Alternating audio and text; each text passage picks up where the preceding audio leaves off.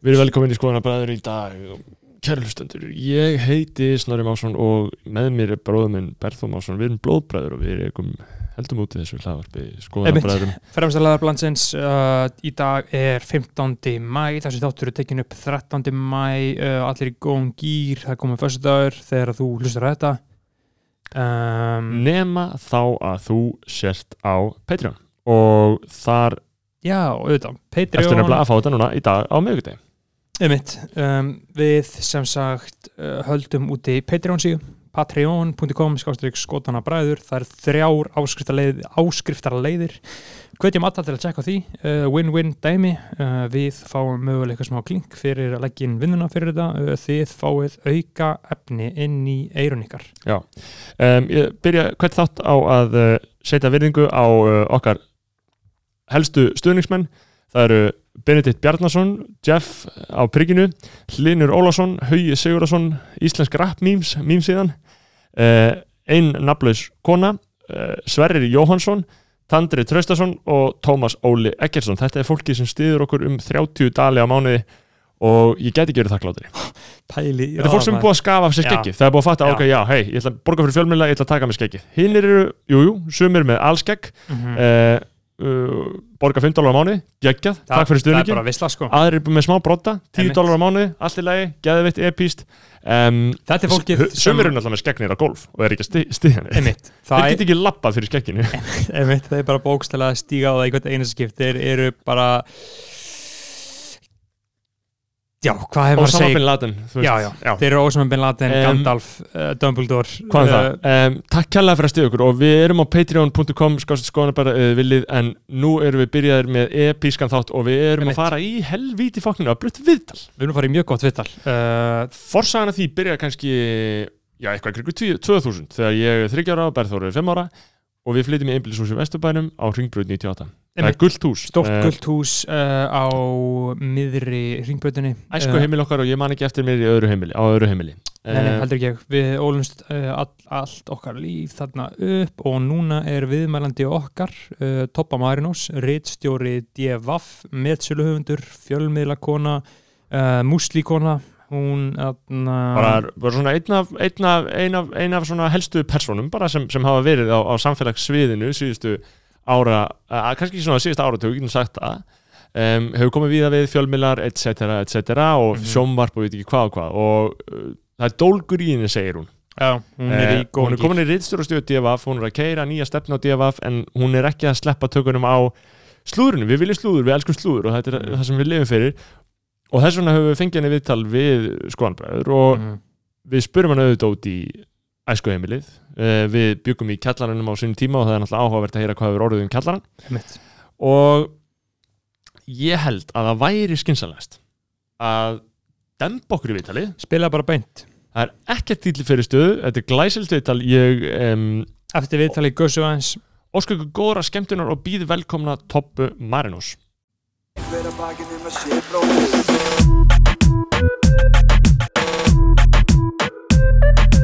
Um bróðir Hver að bakið um að sé bróðir eigi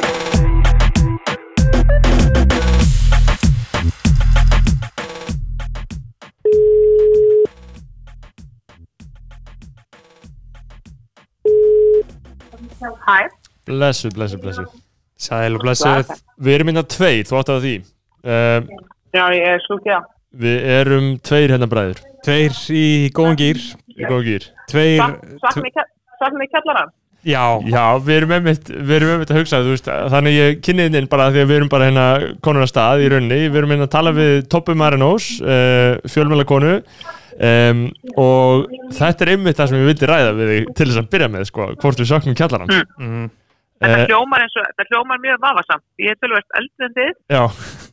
Og þið byggust já, já, já, já kjallarannum hann á tímbili Þetta hljómar allt mjög illa en þetta er allt mjög heðalegt og fallegt. Þetta er allt byggt á sönnum og eðlilegum atbyrðum, þetta var mjög eðlileg þetta var allt eðlilegt sem fór þarna fram. Já, já, þannig að, þannig að við útskynum fyrir hlustendum þá sem sagt býrð þú toppa nú í æsku heimili okkar þar sem að við byggum hvað, frá 2001 til 2016 17 17 Já, við, ég sko einmitt sá þetta þegar ég var að fletta upp númurinn á já.is og sá einmitt ringbröð 98 og ég hugsaði, hvað, akkur, hvað vill að, akkur ringbröð 98, ég býð þar. Einmitt. Uh, ég hef ennþá þessa heimlist fangst tilfinningu sko. Já, ég er í raun mamma að stuttu útgáðan. stutta útgáðan, en hvernig er þetta þú býrða ringbröð 98 núna, það er bara 100% þannig. Uh, ég ke keir ofta þannig framhjá og þeir eru einhverjum smá aðgerðum hérna segi í garðinu, hvað er að frétta af heimilu getur þú gefið mér, þú veist, hvað er búið að vera að frétta þannig síðustu þrjú ár Hva, Hvað hefur breyst? Hefur, það, alltaf kettir í garðinum og einn hundur, ég þólaði ekki, var það líka þegar þið bjúkaði maður. Svo Eh. köttur, nei, alltaf að skýta í garðinum, þólaði ekki. Um, ég kannast ekki við hund, en það var mikið að kött mikill kattagangur í okkur sko Já, það, það er nú tölvöld skára. Um, í stuttum máli, það heit, heitast að slúður af ringbröð er væntalega uh, það að að komnir nýjir nákvæmnar, já, hérna við hliðina. Já, og uh, hérna, við erum komið lítinn skúr, þannig ef, ef ég og Kalli skiljum þá þarf hann bara rétt að lappa, lappa 2-3 skref og getur hann flutt inn í hennan uh, fallega 13 metra skúr og bara lifa þar. það er mjög öflug skilnaða reynsla í húsinu nefnilega, maður fóröldra okkar Já, skilt, nota þetta hús til að skilja og það, það, er, það, er, það, er mikið, það er mikið svona divorce energy í húsinu sko. Látið ekki svona mamma, mamma ykkar reyndar sagði það við mig að, að ég spurði hana svo, fallegt eldhús í húsinu en ég spurði hana okkur hún ekki tekinu millivekkin þú veist að opna inn í stofuna Já. þannig að það verður svona stærra rými og þá sagði mér það að, að, að þau hjónin hefðu svo litið verið að, að berjast um það hvort það ætti að taka niður en hann vekkað ekki og þau veistu svo að hún kallaði þetta stóra skilnaðar eldhúsið já, að það hafi verið, það hafi verið þetta mál sem að kláraði bara málinn já, já það, það, það er alveg hægt að finna því stóð í raunveruleikunum er þarna, hver er staðan á að þannig ég útskýr það fyrir hlustöndi þá er þetta svona gammaldags sér eldús uh, á, á aðalhæðinni og svona svolítið lítið, það er ekki stórt og beint við Nei. hliðin á því er stór borstofa þannig að það myndir liggja beinast við og það eru dæmi þess að menn brjóti þarna veggin á milli til þess að búa til svona samilegt rými. Það, hefur, það hafið þið ekki gert eða hvað? Nei, en ég er hugrökk og ég stefna á það. Já, og hvern, hvernig, hvað finnst Kalla manninu þínum um það? Ah, Kalli er svo þægileg típa maður. Hann bara, jú, jú, let's do it. Þannig að við ætlum að við erum að kaupa okkur nýtt þak og, og svo ætlum við að brjóta niður hann að vekka á milli og stækka, stækka eldhúsi og gera sama er Sóli, Hólm og Viktoria að búa hérna hliðina á okkur Já, þau eru komin á hóttunum eru- Nei, já, þau eru, Já, já, þau þau eru bara beint í húsinu við hliðina, já Já, og þau eru sko búin að opna svona í garð þannig að við ætlum að gera það líka það er nefnilega Mm. mm. mikill kostur að geta strákar hendir út með freyðinsflöskunum styrstu leið sko. Já, auðvitað, auðvitað. þið fáið að gera, Mhm. megið að gera svona litla hurð sem þá leiðir út í garð Já, jafnvel full size hurð Já, akkurat. Það verður svolítið að- Ég þarf sko að koma Mm. þegar þeir eru búin að gera þetta allt. þá þarf ég að koma og taka út húsið svona eins og Marta Smarta gerir. Algjörlega. Já, það væri gaman Já, að kíkja heimsókn og sjá uh, það breytingar. og, og svo annar ykkar verður þá að vera Arnargauti og segja alls ógíslegt, muni eftir því. Já, þeir fóru saman Já, þú, þú verður eiginlega, annar hvorka verður að vera svona, svona vondakallin og Nei. segja alls ógíslega ljótt Ég og Marta erum í mjög farsælu samstarfi uh, MBL og Smartlandi og við munum þá bara mæta saman. Ég er ekki eins og að djóka sko. Þið leiðist bara inn og takkið þetta út. Marta er nú mjög smökkli, það er örglega eitthvað sem hún geti það og eitthvað með ein hugmynd þarna, hitla með svona spekju, það er hugmynd frá möstu, þannig að já, hún er nú strax komið með input í húsið. Já, hún hefur einhver hennar listræna handbræði er, að- er að finna þarna í Já, húsinu ítök hennar eru víða, en á þessi eitthvað eitt sem þið nú farið þið hjá okkur ég veit, hvora veittur er eldri snorri er Eh, eldri, eða hvað? Ég, ég, Bergþór, er eldri, tveimur árum eldri. ok, ég er nefnilega lent einu sinni í því, haldið ykkur fast að það kemur vinkonu mín í heimsók og hún verður eitthvað svona skrítin í fórstofunni ef hún er komið inn og ég segi eitthvað, byrju hvað, hún er já, já, hver bjóð hérna já, já, ég kom hérna áður strákar. Gitt í kjallaranum ha, Já, þetta var kjallarinn, kjallarinn var mjög, þetta voru mjög svona na, fjölsótt fjölsóttar kvelvingar í kjallarannum sko. Jú, jú, þetta, já, ma- ma- maður bjóða þarna svona á uh, góð tímabili. Þá voru, þá stundaði maður, Það voru, Svona- þrý, það voru þrýr kallmenn sem tókum mentaskóla árin í þessum kjallara. Já, ok. Þannig að þú veist, Þannig að það var maður getur alls ímyndað konar sér drottningar Já, vakna við, við, við, við hérna, nýlega kaffi já, en það væri getur að taka þau í enga samtali og reykja þetta með, með, með einhverju nákvæmni Já. hvað hefur átt í Já. stað mhm, Þetta um, var alltaf, hún var mjög rauð í Já, sem ég þurfti að gefa þau kvítingsljós til, að- til að ná þessu upp úr henni og svo sló ég náttúrulega við og sláböðin í túrum kjallaran. einmitt. en þú ég- ert búin að, þú ert búin að taka stigan eða ekki á milli Jú, Einmitt. En er, nú, núna er þetta alveg dýflisa. Já, Já, einmitt, það er svona uh, ég, ég, ég er mjög áhuga, áhugasamur með að vita uh, hver þetta, hver þessi vinkonaðin er en það mér dreymd alltaf um að, um að, um að gera skilur taka stíðan þannig að maður getur við með alvöru BDSM dýfles í miðjunni sko, rólu þá, rólan komst aldrei fyrir hann í miðjunni sko. Já, en svo fenguðu Netflix og áttuðu ykkur, áttuðu ykkur bara á því að þetta er bara að horfa sjónvart þess að það er rúlíkar og hættast svo í rólum. já, það var málið. Já, um, En jú, jú, þannig að við svona kl- klárum umræðun um húsið, þetta er náttúrulega frækt hús, það að haldið mörg partí þarna, uh, einhver hlustendur hafa mætt í partí, uh, partíin hafa setjum endað upp á þaki, hafa þið eitthvað verið að fara upp á þak, eða?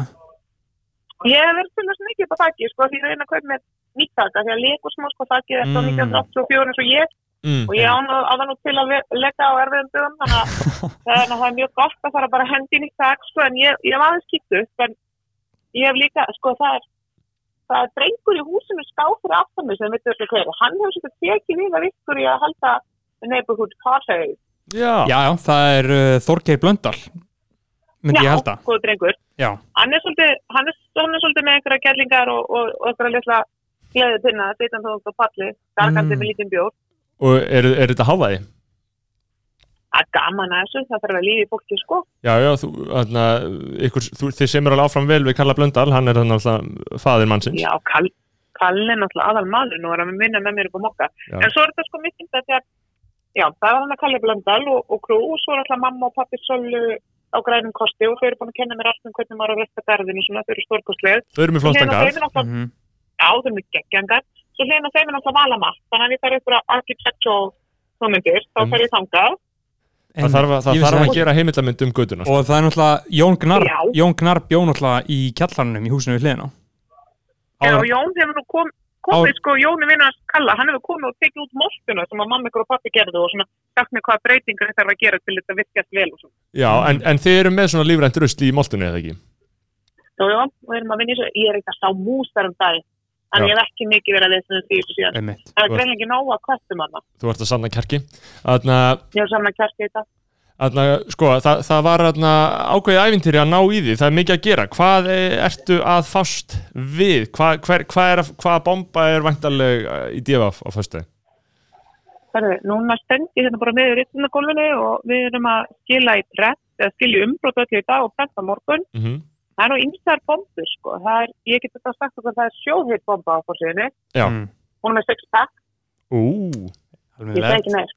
En, Eh, en hvernig atna, þú ert sem sagt uh, reitstjóri DFF, ekki satt og er það Jú. þá ert þú þá reitstjóri einungis á blaðinu eða ert það sérðu líka um vefin eða hvernig er þessu svona skipt upp er þetta tveir ólíki hlutir eins og mokkin og MBL eða er þetta bara sama, uh, sama dæmið?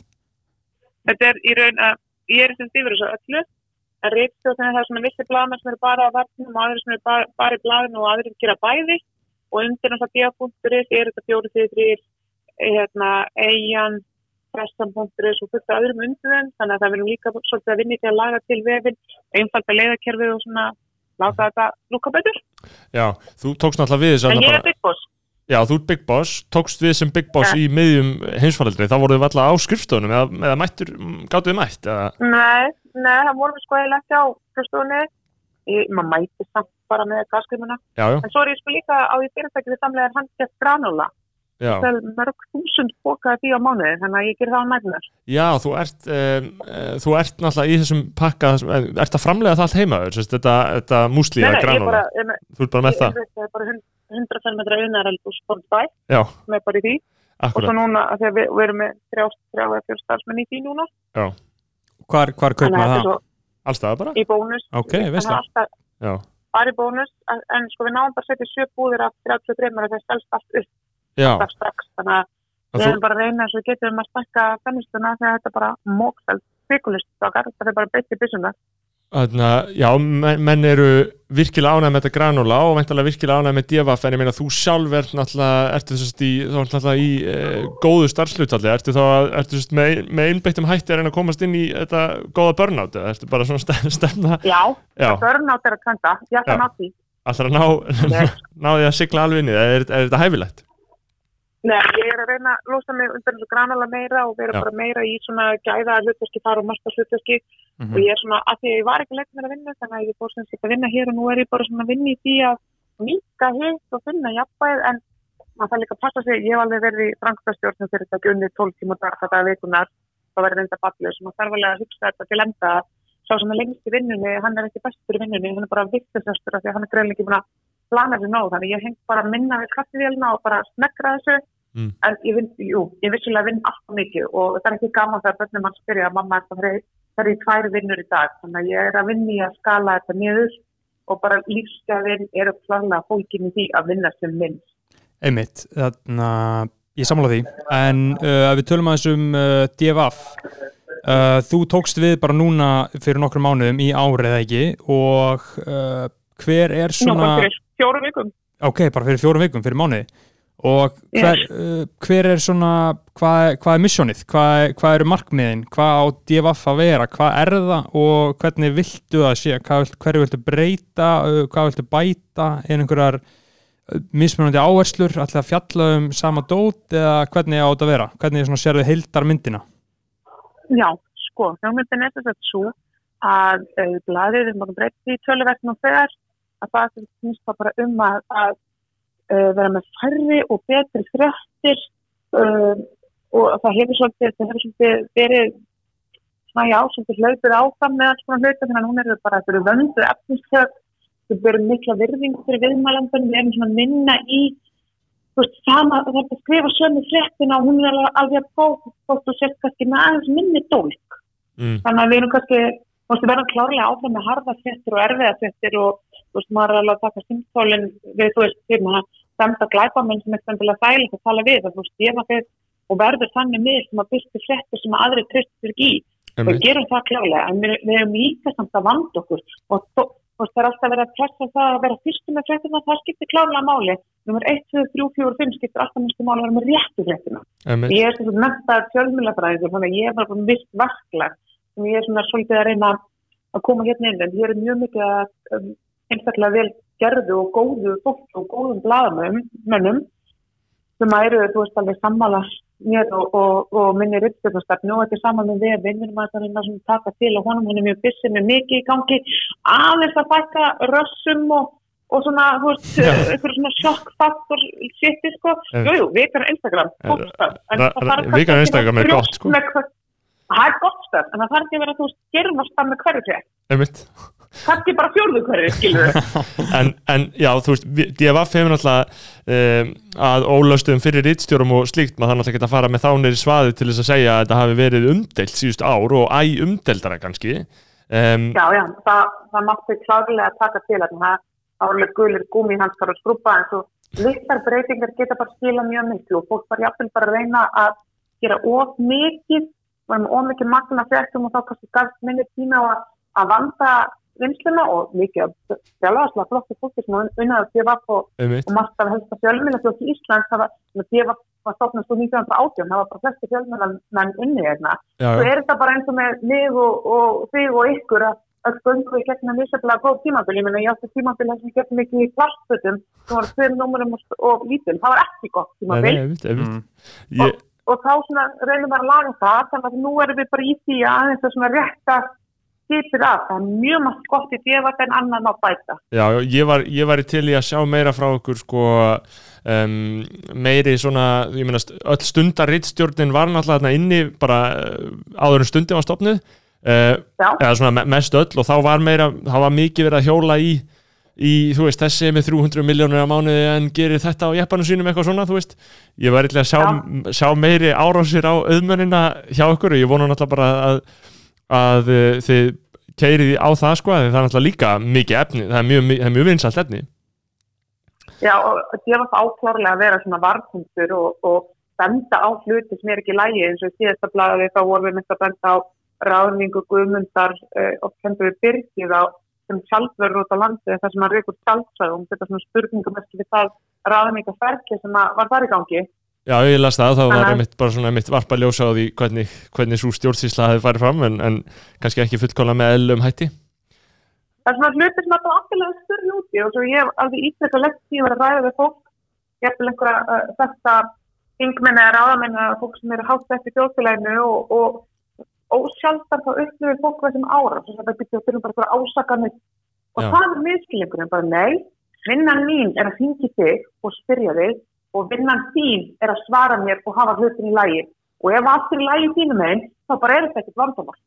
Svo En- bara hringi ég næst og við ræðum málin. En þetta er ekki, fólk er svo fljótt að hópa þegar þeir og eitthvað, nei, nei.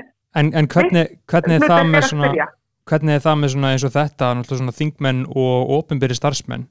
Uh, náttúrulega gildi kannski eitt um þá, en gildi mögulega kannski eitthvað annað um svona fræga Íslendinga. Þú ert náttúrulega búin að vera í fjölmiðlum í uh, þó nokkur ár og ættir að þekkja flest allt svona frægt fólk á Íslandi sem gæti verið eitthvað í fréttum, gæti verið eitthvað aðeins að uh, klúðra málunum, segja eitthvað af sér eða eitthvað svoleiðist. Hvernig tæklar Mm. það þegar þú þarft að segja frá einhverju, eða hvernig myndir þú tækla það ef bara einhver svona ágætis kunningin eða vinkonaðin myndi eitthvað aðeins svona uh, myndi eitthvað aðeins svona klúra málunum og þú myndir þurfa að segja fréttina hvernig, hvernig dregur þú svona mörkin þar á millin einhver svona vinskapar og bara segja fréttinar eins og þær eru Já, þetta hefur íþekka gert. Eh, Ég starfa náttúrulega lengi líka á séð og heyrst og það er svo sem gerst þetta líka og mm. eins og segir þetta er minna við búum í Íslandi, þetta er lítið er lítið heimur og maður minna málkunnur eða öllu þessu fólki. Uh, sko, máli svona þetta er í raun ekki svo flóki að þú áttast að byrsta fréttir sem eru þannig að það er sé að bara slíta vinskap. Auðvitað gerist það stundum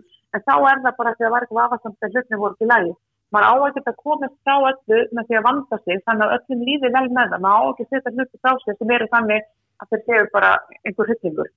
Um, til dæmis bara tökum skilnaði þessum dæmi sem er mjög klassist svona topic í svona máli mm. að oft vil fólk ekki ræða það þótt þú sett kannski mjög þekktur og það að þú sett að skilja jafnir við aðra þetta mannski sé klárlega álitið yeah. Þá myndi ég takla þannig að hringi viðkomandi sem er kannski mennir í, í sömaklúpa eða það, þetta er ólíklegt Mm. og segja, heyrðu, ég, hérna, nú veit ég að skilja það eru allir að tala með þetta eigum við að gera þetta saman, fyrir þess að frétt þannig að þér lífi vel með það þú vitir af því, getur undirbúið börnin með fjölskylduna að rætta, við gerum þetta þannig að þú sett þá eða eigum við að hunsa þetta og svo pýttar einhver annar þetta upp og þú er enga stjórn á því og veist ekkert hvernig það verður skjöða að það gerst. Við getum- það er að gera þetta þannig að- þér líði vel með það, þá Við- segir viðkomandi kannski ég er ekki tilbúin.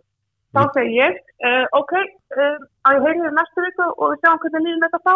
Oftast er þetta eitthvað svona og fólki líður ekki bíla með það, skiljum við. Nei, nei, mitt og maður getur svona kúað þau svona blíðlega inn í að koma bara í gott viðtöl Mhm.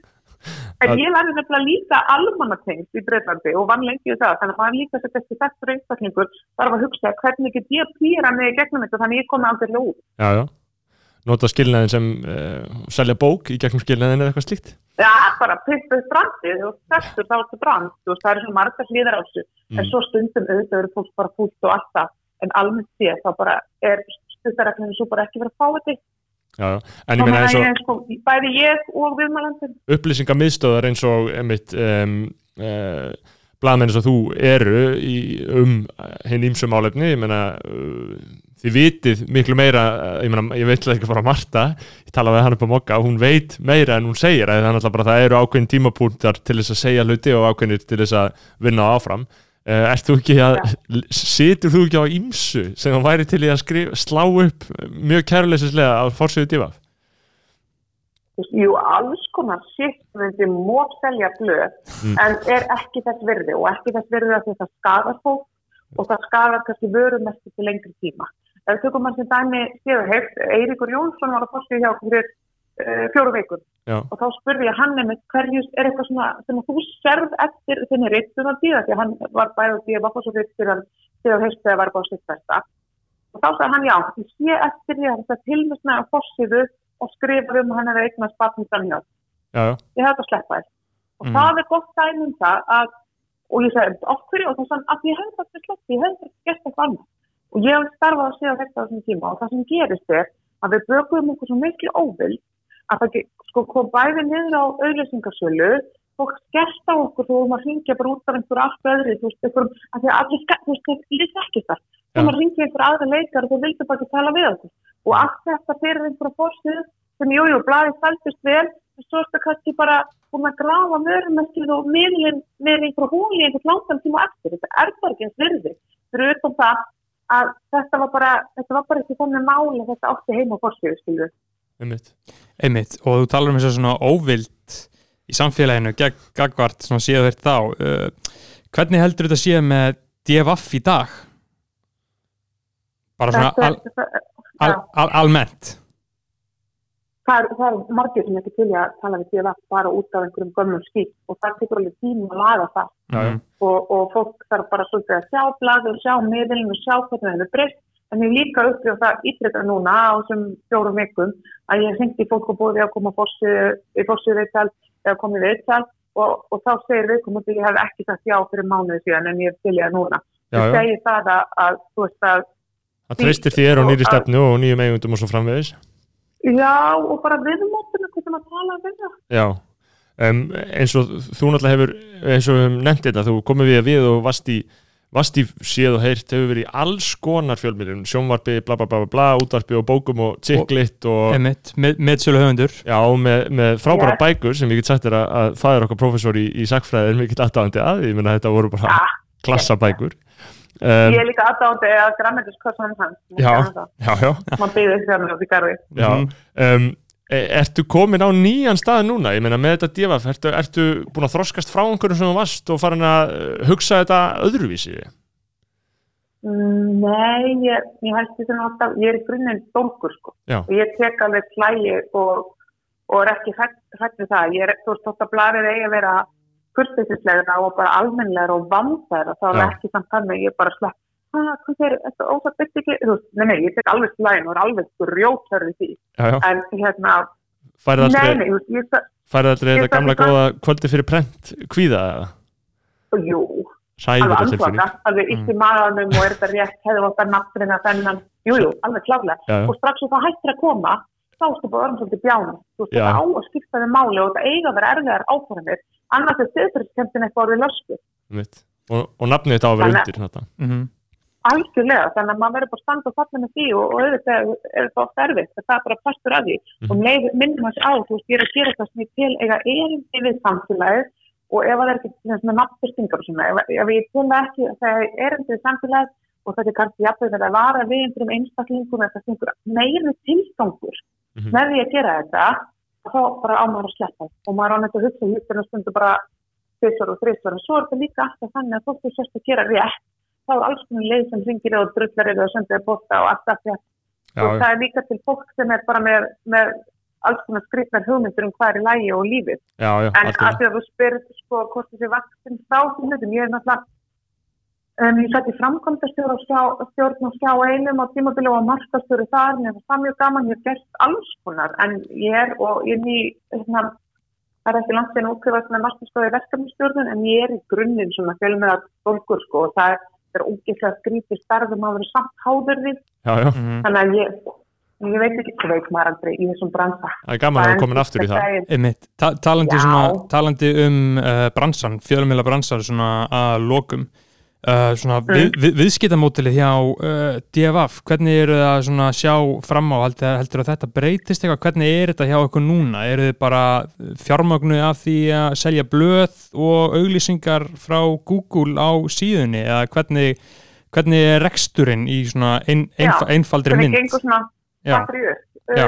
stutt áskráðan er svo að það er náttúrulega gríðalegu fjöldi áskrifanda og það kom mér í raun fjöluvert á óvart. Það er margir áskrifandur og það er svona svo sem þið í þessu það er pressar útgáðan eða bæði góðu sala í lausu sölu en sterkur áskrifandabasi og margir sem hafa verið áskrifandur mjög lengi. Og svo náttúrulega er fólk að bætast við satt núna. Hérna, það kostar ekki mikið þetta er 2900 kall á mánuði. Og þetta er svona kontaktmálið og slaði rennir ekki út þar að segja það er margt bara mjög tímalusti og gott lesefni. Mhm. það eru til frábær fréttablöð eins og fréttablað stundin, morgublað mannlíf, það þarf ekki að annars þannig að við erum bara allt öðruvísi sem að, og, og þess vegna kannski viðbót til mörgum.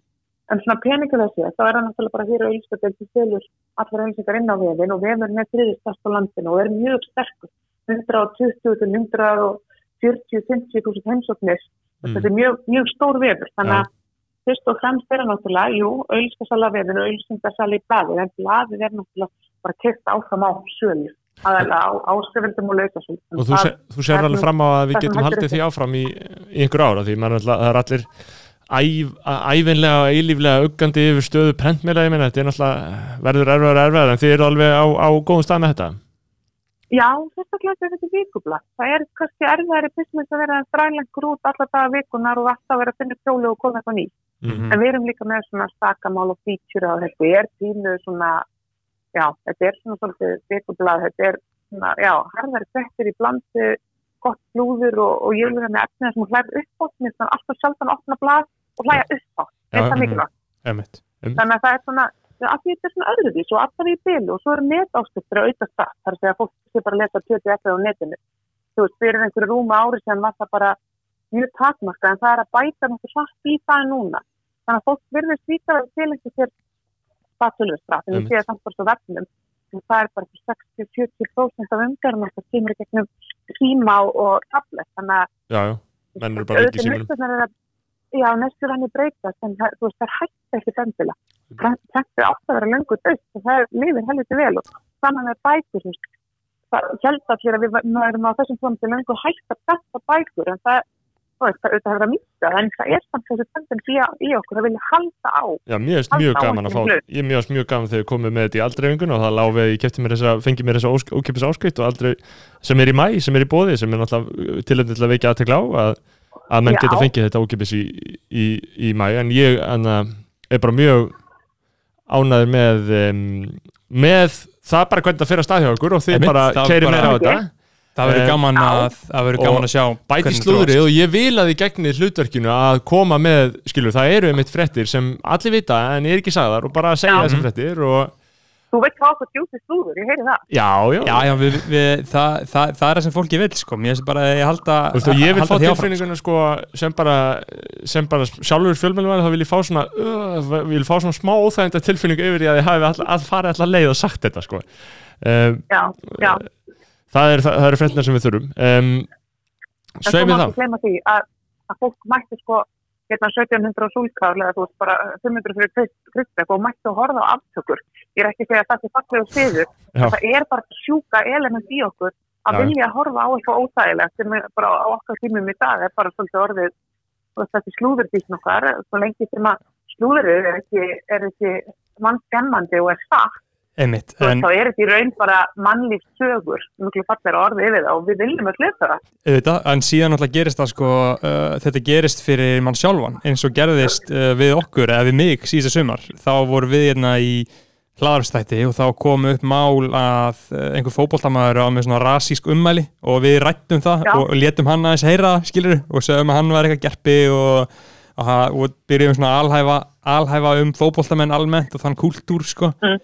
Og þá var mitt pikk, Mhm. þá var mitt pikk að djöfa það upp sko. ég man eftir því það kom frétt sko, þarna, sem að ég bara, var bara versið þetta lífsmýns þegar þessi frétt kom, það kom bara eitthvað inn á djöfa.is uh, Bergþór segir alla fótboltamenn kvennhatara og rasista og það er ekki gott. það, var- það var ekki gott Sagðirðu sko. það? já ég sagði það sko. en, en ég svona sagði það í kannski öðruvísi samhengi En þið verða að fylgjast með skoðanablaðum og pikka upp, það er ímislegt fréttnættina sem þið gætuð um, verið vakandi fyrir ekki Ég það heyri það.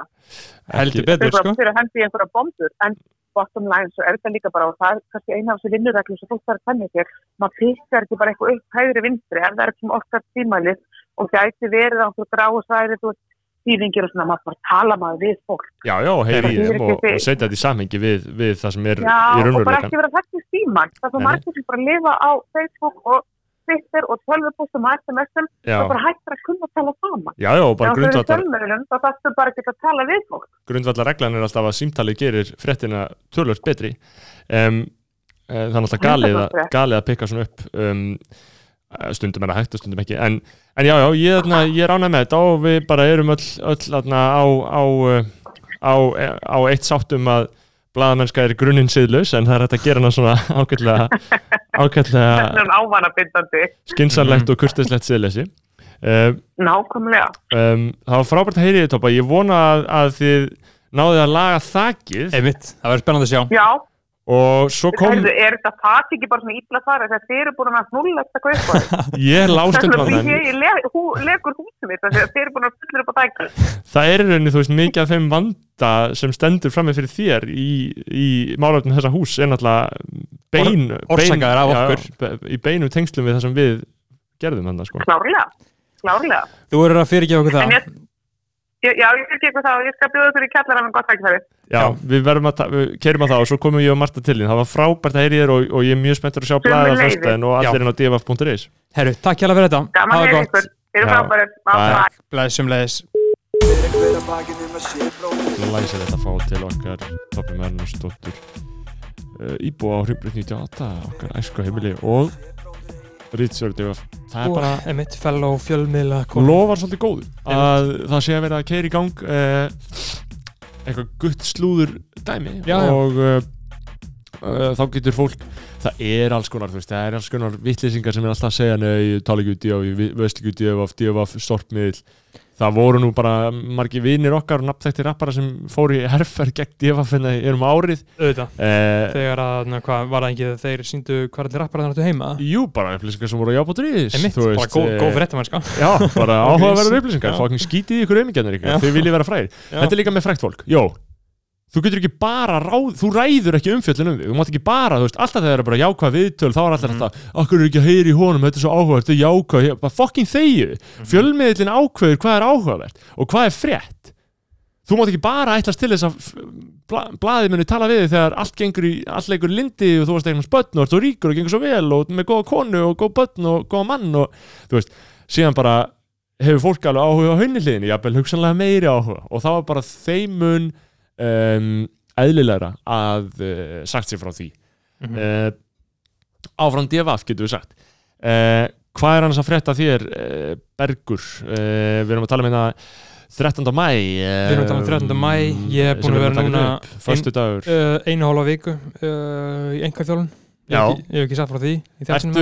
ertu ekki spenntur að komast í gymmi? Akkur að láta þess að það sé ekki atrið Þannig að aðalatri að komast í gymmi og geta lift alveg og stækka eitthvað og vera að geta lift þungu Nei, nei, ég, na, ég bara er að æfa meira en ég hef gert einhvern veginn á æminni Já, ég er að segja það, það er gott, en þú vilt samt geta lift þungu, það skiptir Já, ég- öllu máli til þess að stækka eitthvað, sko. mm, Ég veit það nú ekki En það, Já, ég veit það, ég veit það.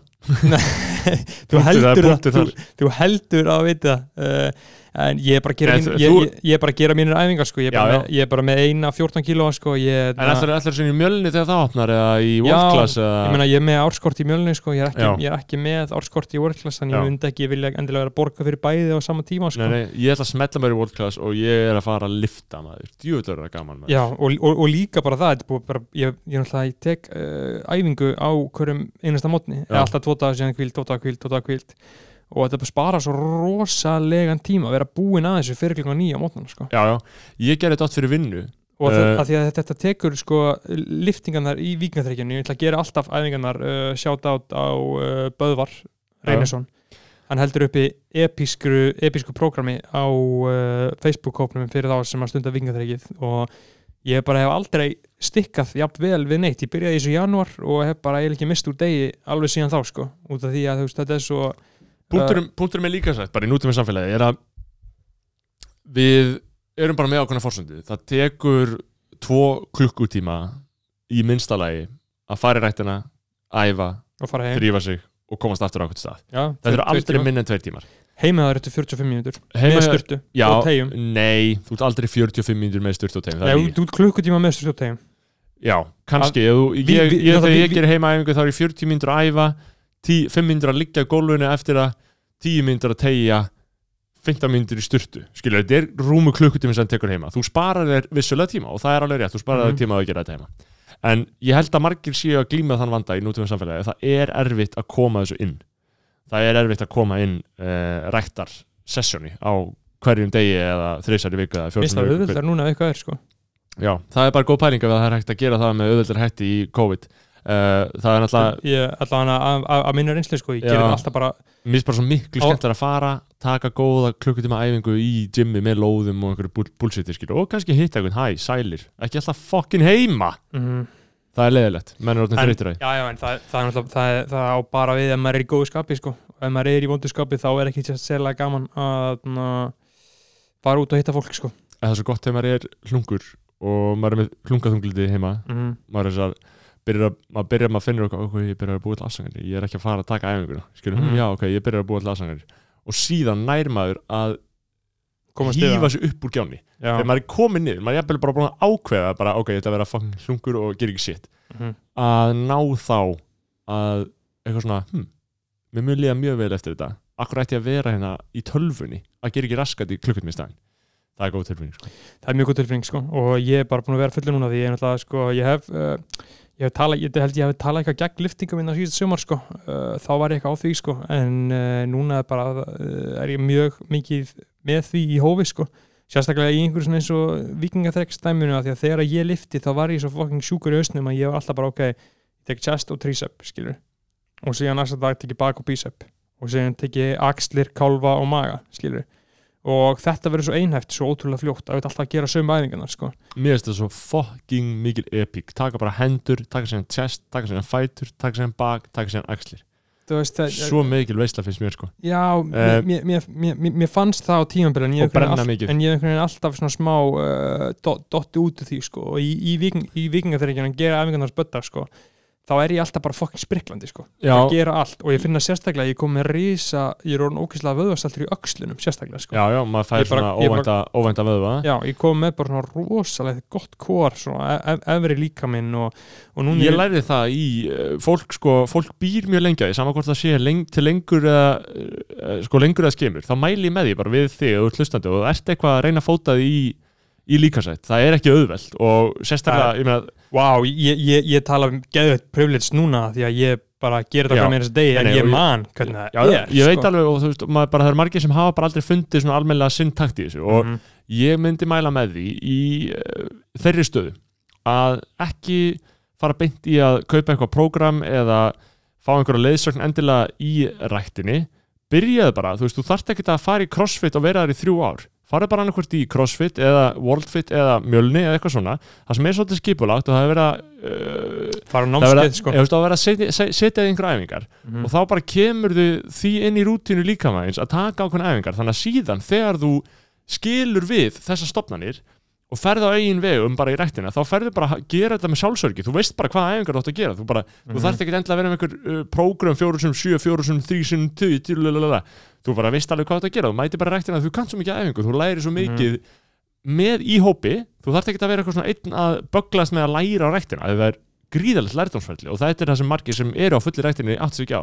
Þetta, þetta tekur mörg ár að skilja hvað þú ert að gera og hvað að nákvæmlega þú ert að gera við vöðvana þína og bara af hverju, af hverju þetta er gott á þessum tíma og af hverju þú verður að kvíla í ákveðin tíma og borða eftir æfingu og drekka vatn og veist, þetta er bara gríðilega mikil æfing og, og ég mæli með því ef þú ert í einhverjum vandræðum að, að bara, ef þú ert bara eitthvað ég kemst ekki upp að lægi með þetta farðu bara í eitthvað skipulagt. Farðu bara í, þú veist, þú veist þess sem ég var að nefna Worldfit, CrossFit mjölni um, bootcamp svo ég nefni fleiri uh, drastlana, Grandi 101, þú veist, við ekki hvað hvað. Þetta kostar kannski í staðin fyrir að kosta 6 skall á mánuði, þá kostar þetta 12 skall á mánuði, en þá, 30 skall sko. já á mánuði, ég held að þetta crossfit sé alveg að fara svo hátt sko. nei, nei, nei, nei. Áskrift kostar ekkert svona mikið.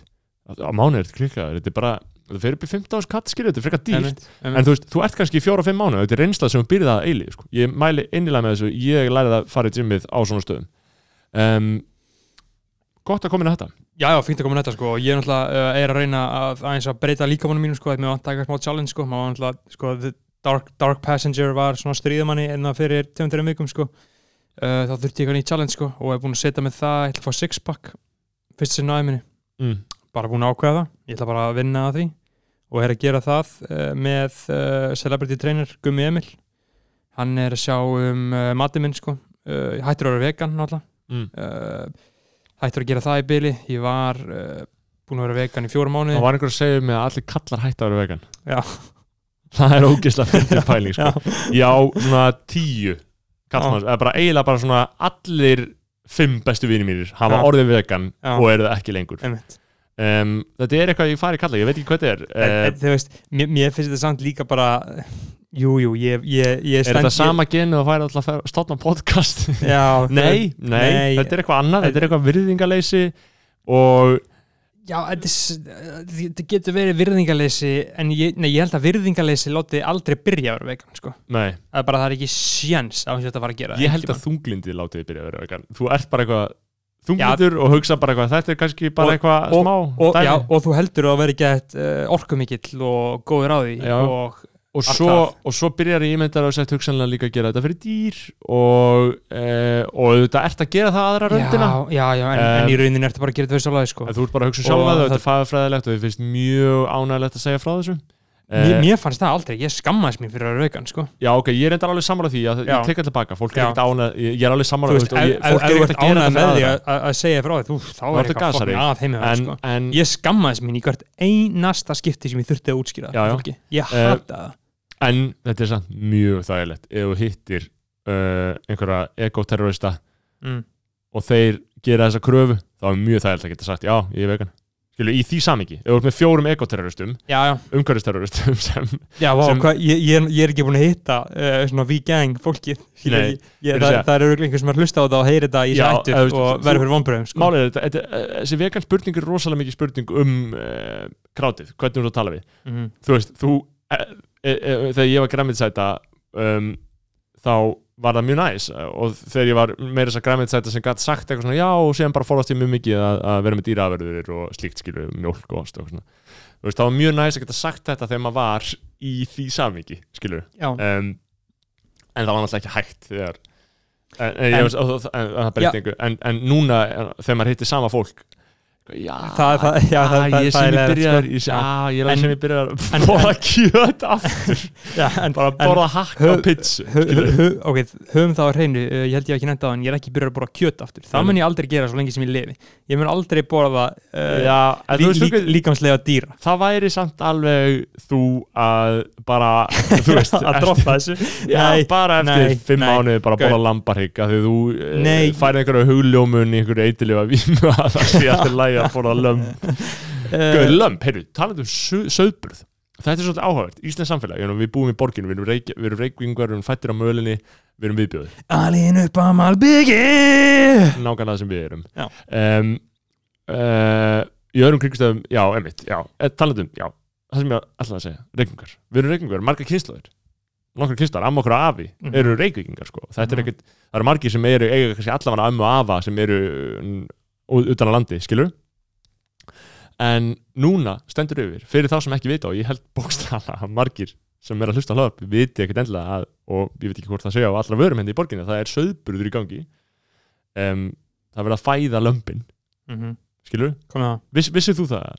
Nú, núna, skilur, þetta er bara viðburður þetta gerist bara á þessum tíma þetta er bara algjörlega, þú veist, ef þú tala við bónda núna, þá er hann bara, já, við erum bara í söðburði skilur, um, og það er bara verið að fæða lömp mér finnst það bara svo áhugavert, það er bara ógeðslega mikið að rollum einhvers staðar og ég koma út slímu og loðin og viðbjóðsleg. En þau eru svo sætur og smá hrein og farin að skokka eins um. Það er að sætasta í öllum heiminum. Rétt á hann að þau eru myrt. Já, sko ekki En- rétt en á sko, sko, ef, en- við, ef við förum aðeins út í það, hvernig það virkar. Þú veist, að vera lamp, hvaða er að fæða sem lamp á Íslandi þú fæðist á vorin. Söðburður byrjar svona apríl og nær hábúndi núna um mæ að þau eru með í næstu jafningi kólefnisfótspor og nautikjöt á Íslandi sko. já, veist, við, ég veit ekkert um það. Ég hef ekki séð útrækningar, ég veit ekkert um það. Uh, það kann alveg vera. Þa, það er fakt. En út af því að þau eru svo mikið það haldi að drega á þau eru bara úti að leika sér og hamingisum en þau eru lapp út um allt og þau eru svo fokkin lengi lifandi taka svo mikið pláss og bóra svo mikið gras það er svona að gera það jafningi skada og hi- hinn dýrin skilur En það er ekki- ég bókstala, ég get margir- ekki skilið þau rök. Lömb, þau fæðast. Þetta er bara fatt, þau fæðast bara í mæ Eru bara smá stund þarna heima. Mm -hmm. Svo eru þau bara heima yfir uh, Væntalega smá stund og fara sérna fjöll. Mhm.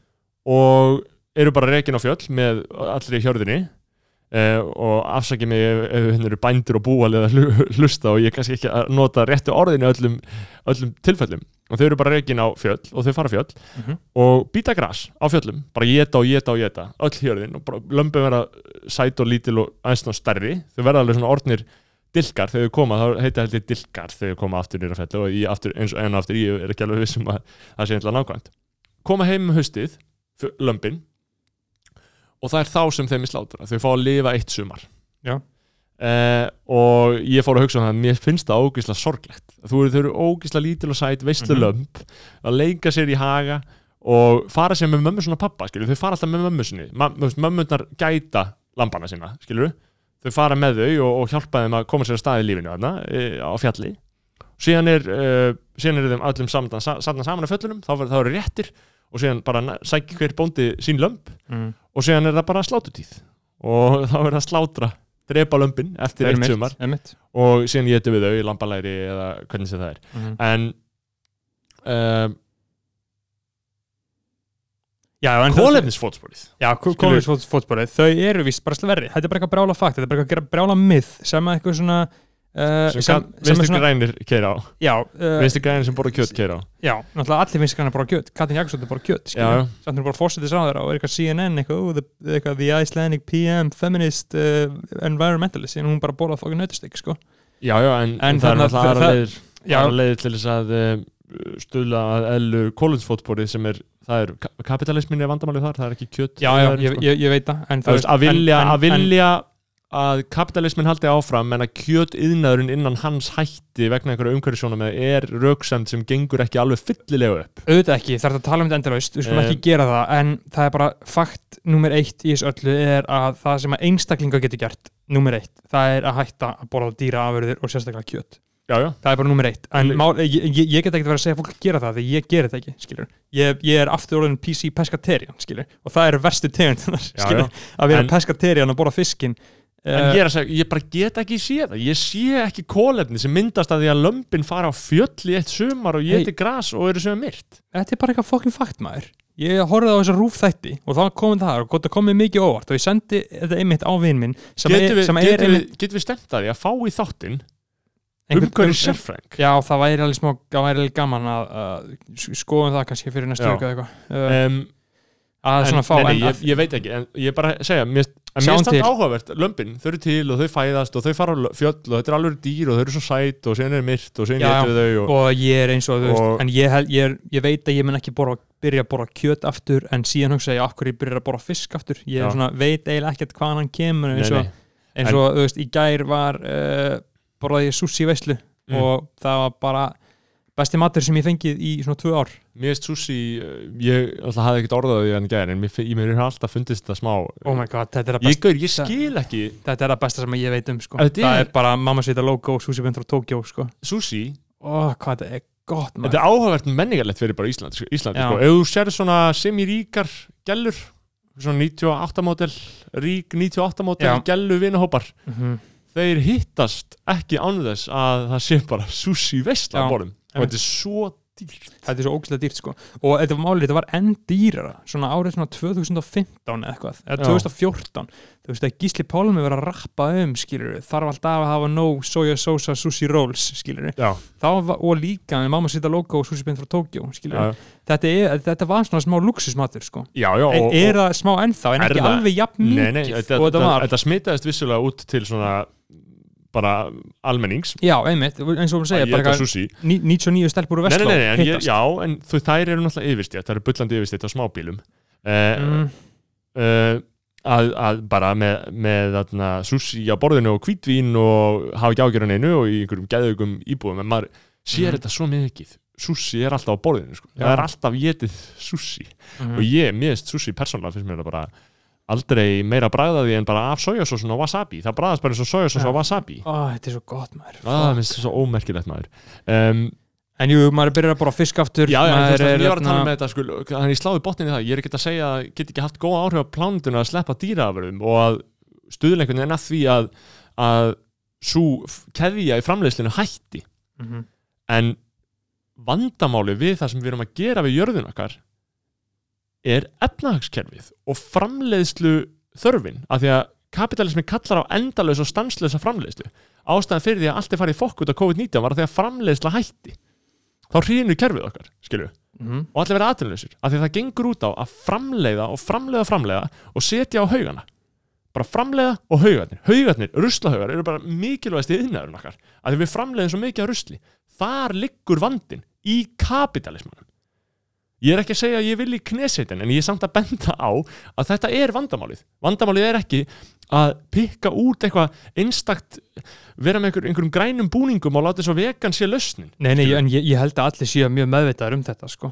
ekki, þetta nei, nei, það er fullt af einhverju fucking viðrýstna fólki sem er eitthvað fucking skreita sem er einhverju fucking piece of shit Mm. vegan bull limmiða og sjálfstæðisfólki skilju, umhverju sinna e, þú veist, gaur þú ert talsmaður kapitalismans það er kerfið sem er að rústa jörðin þú getur ekki síðan sagt að við þurfum að hætta að borða dýr út af, út af einhverju svona, skilur uh, já, það er hægt að bæta þig við, skilur, það er svona sprinkle. Þetta er bara en, þetta er er, hugmyndafræðilegt er- er einhver uh, sjálfstæðis nazi eða viðrisnar uh, Já, já, he- við munum viðreisnar sjá- helvíti sem, já, já, sem, þetta er sem er raunverulega beita sér fyrir þessu Um, það, er raunverulega- það er engin raunveruleg rödd í pólitíkinni um, sem er að beita sig fyrir þessu það er engin raunverulega rödd í pólitíkinu sem er eitthvað að tala um veganisma um, Nei, og það er er- dýravernd eða er- neitt. Nei, það er af, hverju er- ætli það sé?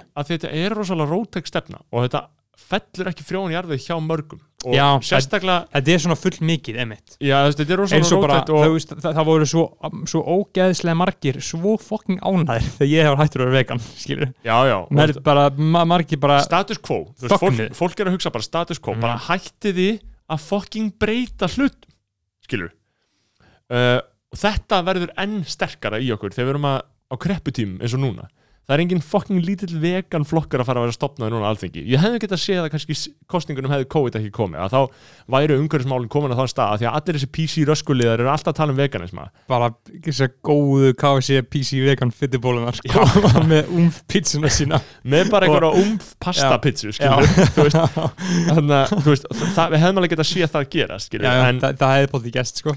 en, og, þú veist, og við í, í þessum að öllum sem er ekki drullu saman þetta, það er bara þau öll sem er að mæta, það er enginn eigi heima, jújú jú, vegan Ísland er alveg sterkur þrýstjópur en þau eru ekki með neitt lobby í gangi. Og það er, ekkert, það er enginn formaður vegan Ísland sem fer í fjölmeila eitthvað viðtal skilur, það er ekkert lobby í gangi. Það er alveg hægt að kveikja einhverju lobby og það er alveg hægt að kera eitthvað lobby í gang og það væri bara verðugt. Það var bara En- veistla, ég var til að sjá það sko. Já, og uh, það væri náttúrulega líka kannski æri tilöndið fyrir fjölmiðla til þess að huga að þessum málstað, að hugsa þegar eitthvað gerist, já ok, heyrum þá í þessum. Eða, þú veist, ef að Simmi vil fara að koma í viðtal, þá fá henni líka að koma í viðtal bla bla bla bla bla bla bla, bla. Um, en en ég bara, mér finnst þetta svolítið pyrrandi sömur er svolítið að skreita sem í stólum fjöðurum með, með því að halda þér sig að gera heiminn endilega betri stað. Mhm. Vandamálið liggur annar staðar, held ég þó að þetta sé raunverulega göfu málstæður og auðvitað eðlilegt að pína ekki dýr og geta fleskera eftir að maður er búin að rífa þau í sundur með hnífum og skambisum og vopp Einmitt. Af bara höfum- setja uh, bút af einhverju nauti inn í hakkavélina Já, og bara elda síðan í pizzan hérna. belja sem hangir á fætunum inn í einhverju ógeðsleiri verksmiði og verða að hakka af henni hálsin og hún að mua og, Mhm. og, og, og, og, og, og hvað heitir þetta? Hvað gerir kú? Hvað gerir kýr? uh, Hún Mö uh, Mö Belja, ég veit ekki hvað það er Svona sko. já, já. Mö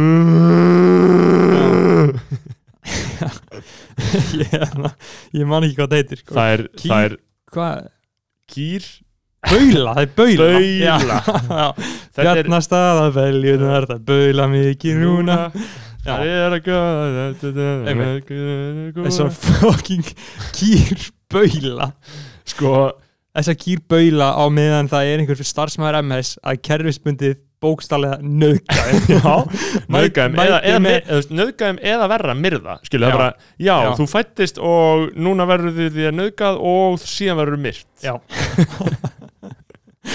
Þannig að þannig ég, ég fullkomni það því að það eru margir nú að hugsa að hvernig hljómar þetta Bjarnastaðabellina Bjarnastaðabellutnar, það er baula mig ekki núna það er að verða vittlusar það vantar eina kúna það gerir ekki til, það gerir ekki til.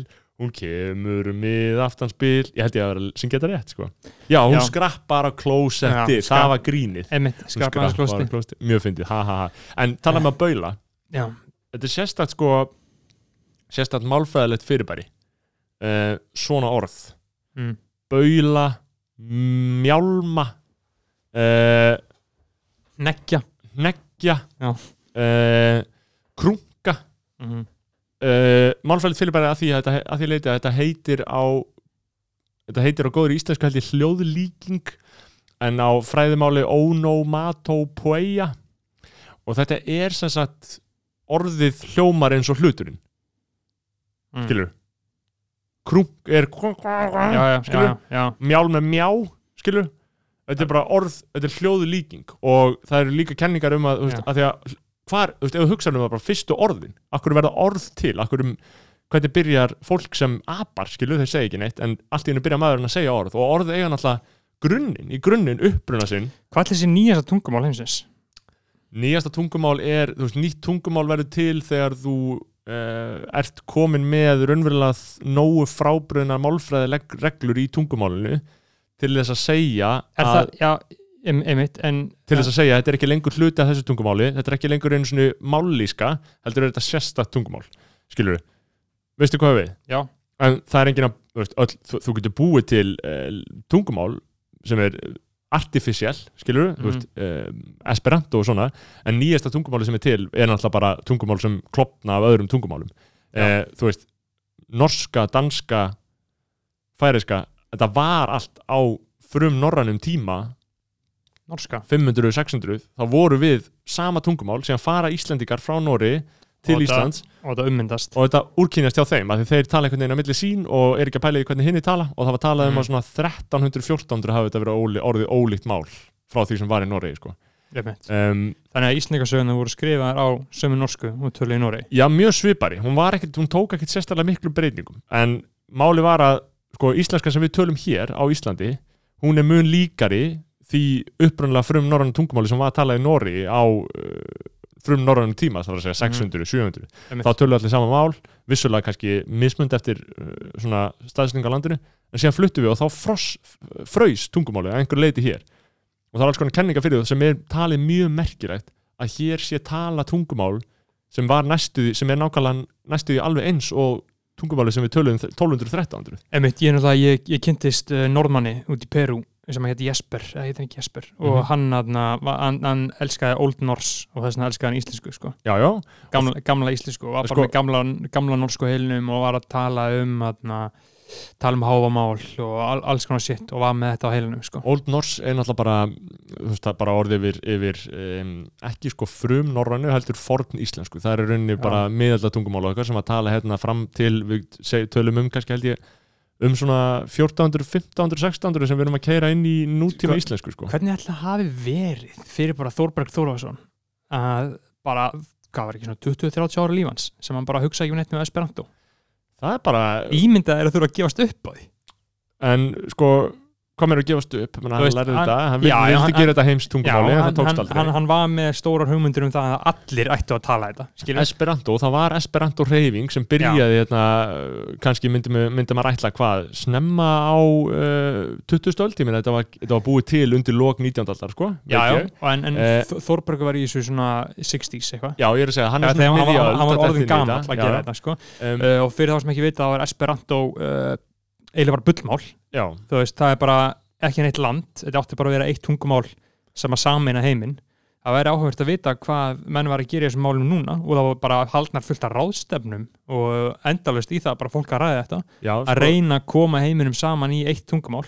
Þú veist, við erum með bara Esperanto er byggt á latinu Já, byggt á latinu og það var sjón, sjónamiði var að hafa engar undatekningar í málfræðinni. Mm -hmm. en þetta er rosalega áhugand málfræðilega sko, eh, Esperanto, það er búið til þú Mm. byrjað til. Og enginn er með það að móðumáli af því að alvöru tungumál er móðumál all, allir þurfa að læra. Allir þurfa að læra. En síðan hafa verið búin til börnin að gæsa sem eru með þetta móðumáli þú bara talar þetta við barnið þegar það er að alast upp. Já. og þá ertu náttúrulega búin að gera eitthvað, að gera eitthvað magnað. Mm -hmm. að þú ert búin að kenna því eitthvað eins og það væri tungumál. En það er ekki tungumál, það myndaðist ekki. Það var, jú, það var, til, þetta er raunni bull. Mhm. En barnið, hvað gerist þá sem gerðist í Esperanto, skilur, að því að er, Esperanto er einhverju second generation Esperantoar það eru til móðumáls Já. Esperantoar, Esperantistar og Já. auðvitað fleirin bara fleiri nokkrir, sko mm -hmm.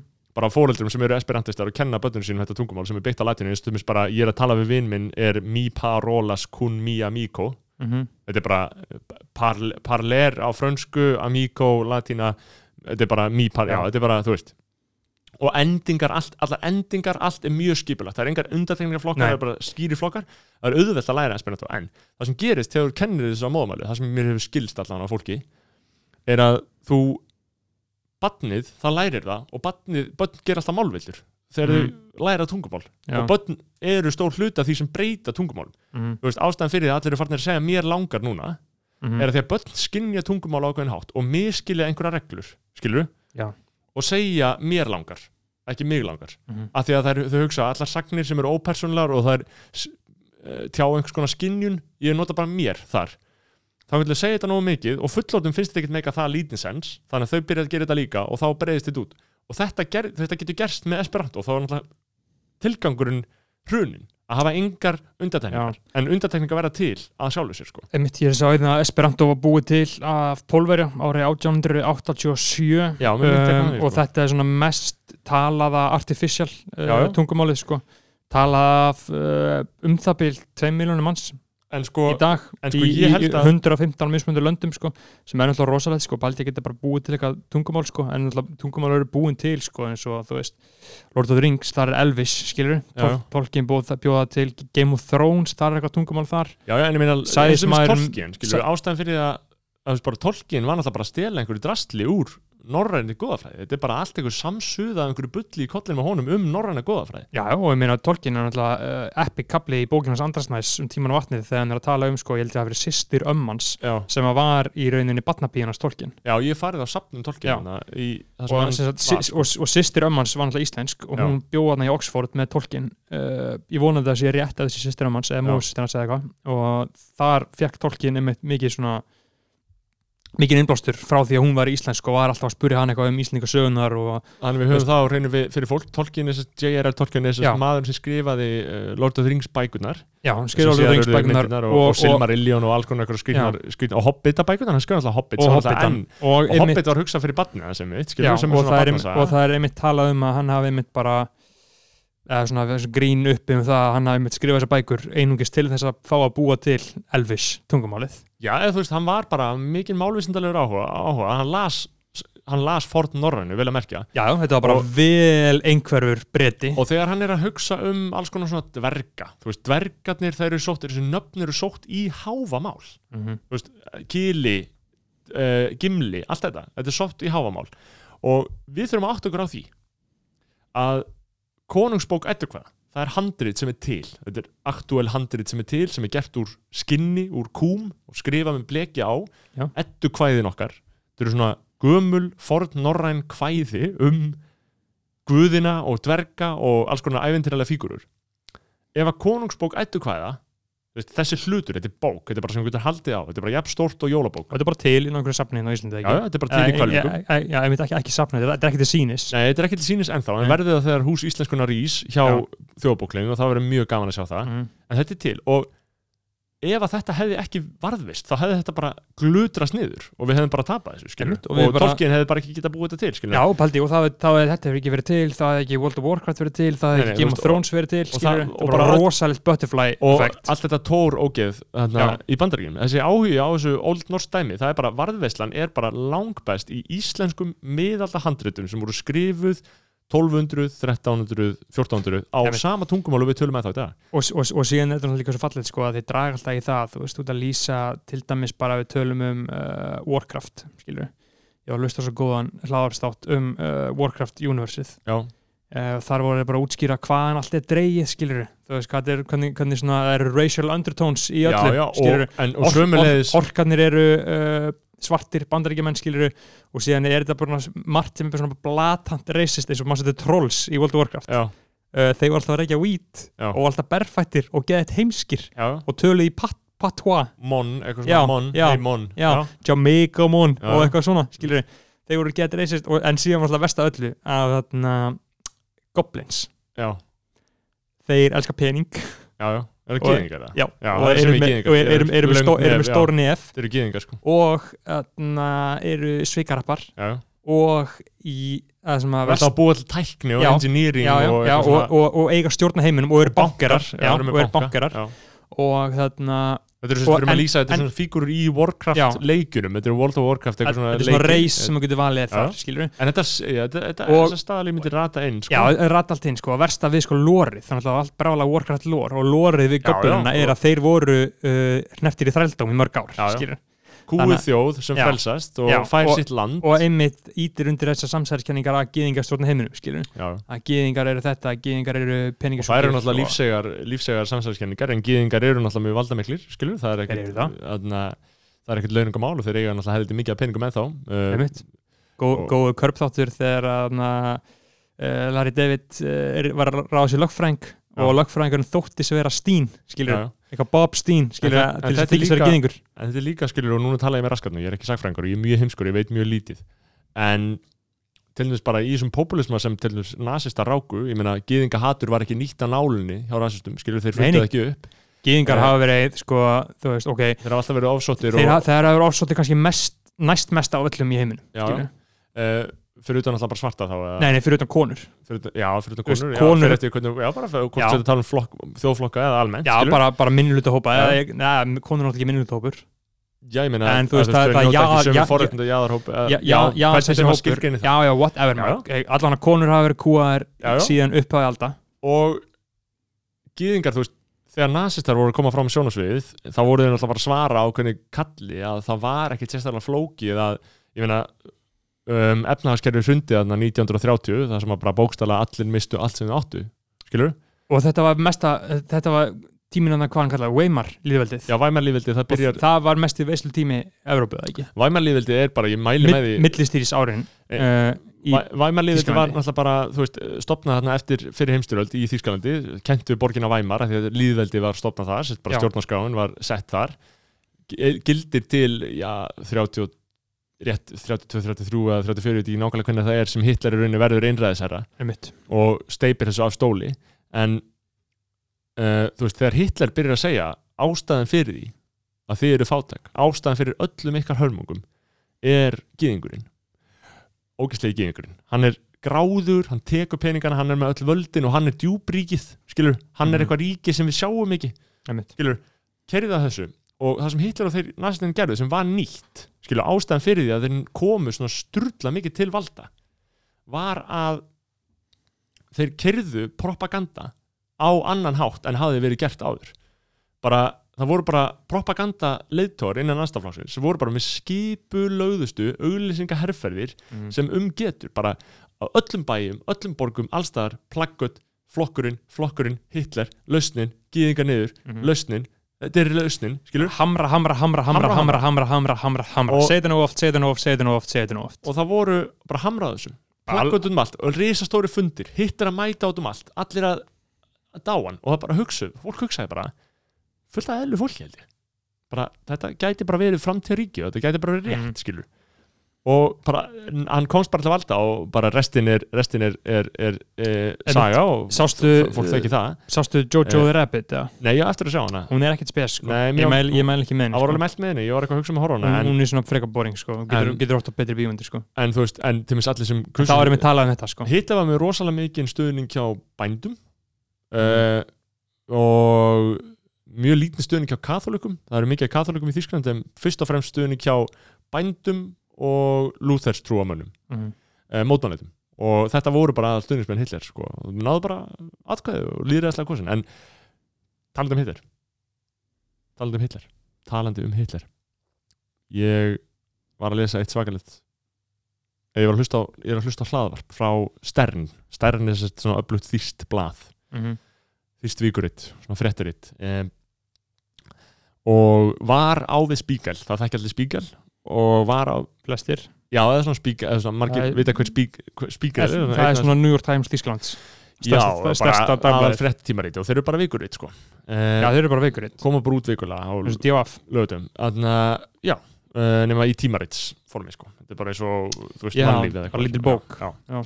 og Stern var á, þú veist, í 80s þá var það svona eiginlega á við Spíkel skilur, bara með vikuritt og bara veistlu og 800 nei, 1983, bara hann ég segi þessa sögu, þetta er rosalega áhugavert sko, ég var að hlusta þetta. Þá byrta þeir bara risastóra títelgi sítti eins og maður segir á þýsku bara umfjöllun um bara gögg sem þau höfðu undir hendur sem voru sérst dagbækur Hitler. Frá hvað árum? 35 til 38 pík ár. Það voru bara dagbækur Hitler sem voru bara, uh, sögðu bara vörpuðu bara glænýju ljós á allt. Og þetta var bara, þetta voru 50 ára eftir og það var búið að rannsaka ógustlega mikið en þetta bara breytti bara virti alltaf bara breyta öllu landslæginu skilur mm -hmm. og bara hitt, bara, þú veist, þetta voru bregð sem hann átti að hafa skili eftir fyrir Elsu sýstu sína bara eitthvað svona skrifað bara, já, hérna bara, uh, hún verður að fá þetta eitthvað, ég veit ekki hvort hún heit Elsa, ég er kannski að fara rámt með en, eða frængu sína eða hvað sem var. Og hann bara, þetta voru bara bregð og hann alltaf bara fór alltaf hliðin og Stern var bara með, þetta er bara gæðveikt fyrir þetta blað, að fá bara að segja frá þessu þessi breyfurinn að fundina var einhver antík sali sem var einhvern veginn, rata þetta til blaðamansins Mm. og sem var þetta bara rannsaka allir fóru að hugsa um þetta og sem bara kom í ljós og þetta bara að fór alltaf hliðina öllum heiminum skilur og sem þetta bara kom, umturnaði mannkynnsjöðunni já, þú veist bara að, að fá þessi nýju, já, nýju smáatrið fram Mhm. skilur og svo bara kom í ljós að þetta voru fölsuð bréf. Oh my god. Skilur mm og bara eitthvað- troll. Bara troll Já. troll sem seldi blaðinu á fleiri, fleiri miljónir pældu í því hvað er fucking sjúkt? Falsaði þetta bara fullkomlega. Þetta var bara eins og bara bara fullt, fullt af sagfræðingum fóru yfir þetta fyrirfram bara áður en þau byrstu þetta. Mm. og bara já, bara fact checking, bara rigorous fact checking er rigorous faktinni þessi þýsku blöð, þau eru raunverulega að gera þetta, sko. þú veist, það er bara ákveð ferli og ég geti nú að tala um hitt ferli þannig með spíkal núna bara í hitti en fyrra. hve- hvernig er þarna uh, hvað búa margir í Þísklandi? 80 miljónir, þetta er stórþjóð sko. 80 miljonar, þetta er stórþjóð. Og, hvern, 85 miljónir og, og hvernig er almennt uh, eignarhald á fjölmjörnum fjölmjölum, já, Samba, það er það sambarlegt bandaríkinum það er veist- auðvitað alltaf sjúkt ég meina þú, það er ekki til neini stóri fjölmila sem er ekki skrítið í eigu. Uh, spíkal er í svona ágætlega fallir eigu skilur, Mhm. en mjög mikið af stóru fjölmilum sem náum alvöru rítsi eru hjá Axel Springer heitir hann. Mógull, Bild og, og Velt og svona blöði eru all komin undir hann mjög umdelt en spíkal heldur striki Stern heldur striki. Mhm. en, og síðan er þetta Zeit og Takerspík já ég geti já, já, við skulum ekki fara út í það sko. Nei, nei, Uh, careful what you wish for. en, en, en, nei, já, það sem ég var að tala um þessar dagbækur, skilur, mm seldi það. Þú veist, ég, það, ég, í, í hlaðarpinu sem ég var að hlusta á, sem heitir Faking Hitler ógeðslega gott shit Já. þá er það að tala um bara hvernig þessum gaur tókst að plata alla og er þetta einhver frægur gauðra? þú veist, það viti hvað hann heitir og já, já, það er alveg vita hvað hann heitir og hann hafi verið að skama áður og, og, og bara vel fokkaður á því, skilur um, af, af hverju er ekki búið að kvikmynda þetta? ég veit, ég held að það sé alveg eitthvað til, sko til, sko já, Málega þegar einhver saga er það góð það er alltaf búið að skrifa bækur og að búið að kvikmynda þetta sko. Já, og uh, þú veist þetta var bara einhver móða fokkar sem hafði bara verið alveg að gera þetta en, en, en bladamæður náttúrulega lítið hafa sem fíbl og þetta var, þetta var helsta stjarnna Þýskaland í bladamenn, sko, þessi gaur sem Ok. kom með þetta fram, skilur Mhm. þannig að þú veist, bara ímyndaði þér sko, þú veist, að því málið er að það sem gerðist þarna var að bladamennska hrundi, skilur, fólk hugsaði bara þeir eru Já, fíbl, ok, já. sem gerist alltaf skilur, út af því að þú veist, það er ekkert eins og það er ekkert hægt að vita hvort þetta sé nákvæmlega sagt ekki, en ekki ein, neitt einhver síður eins og þarna, þetta var náttúrulega það ótrúlega mikilsvert. Já, og þetta er það mikið meiri háttar reyfi afl í sögu mannkins að þú Mhm. getur ekki farið fram með eitthvað svona án þess að vera bara.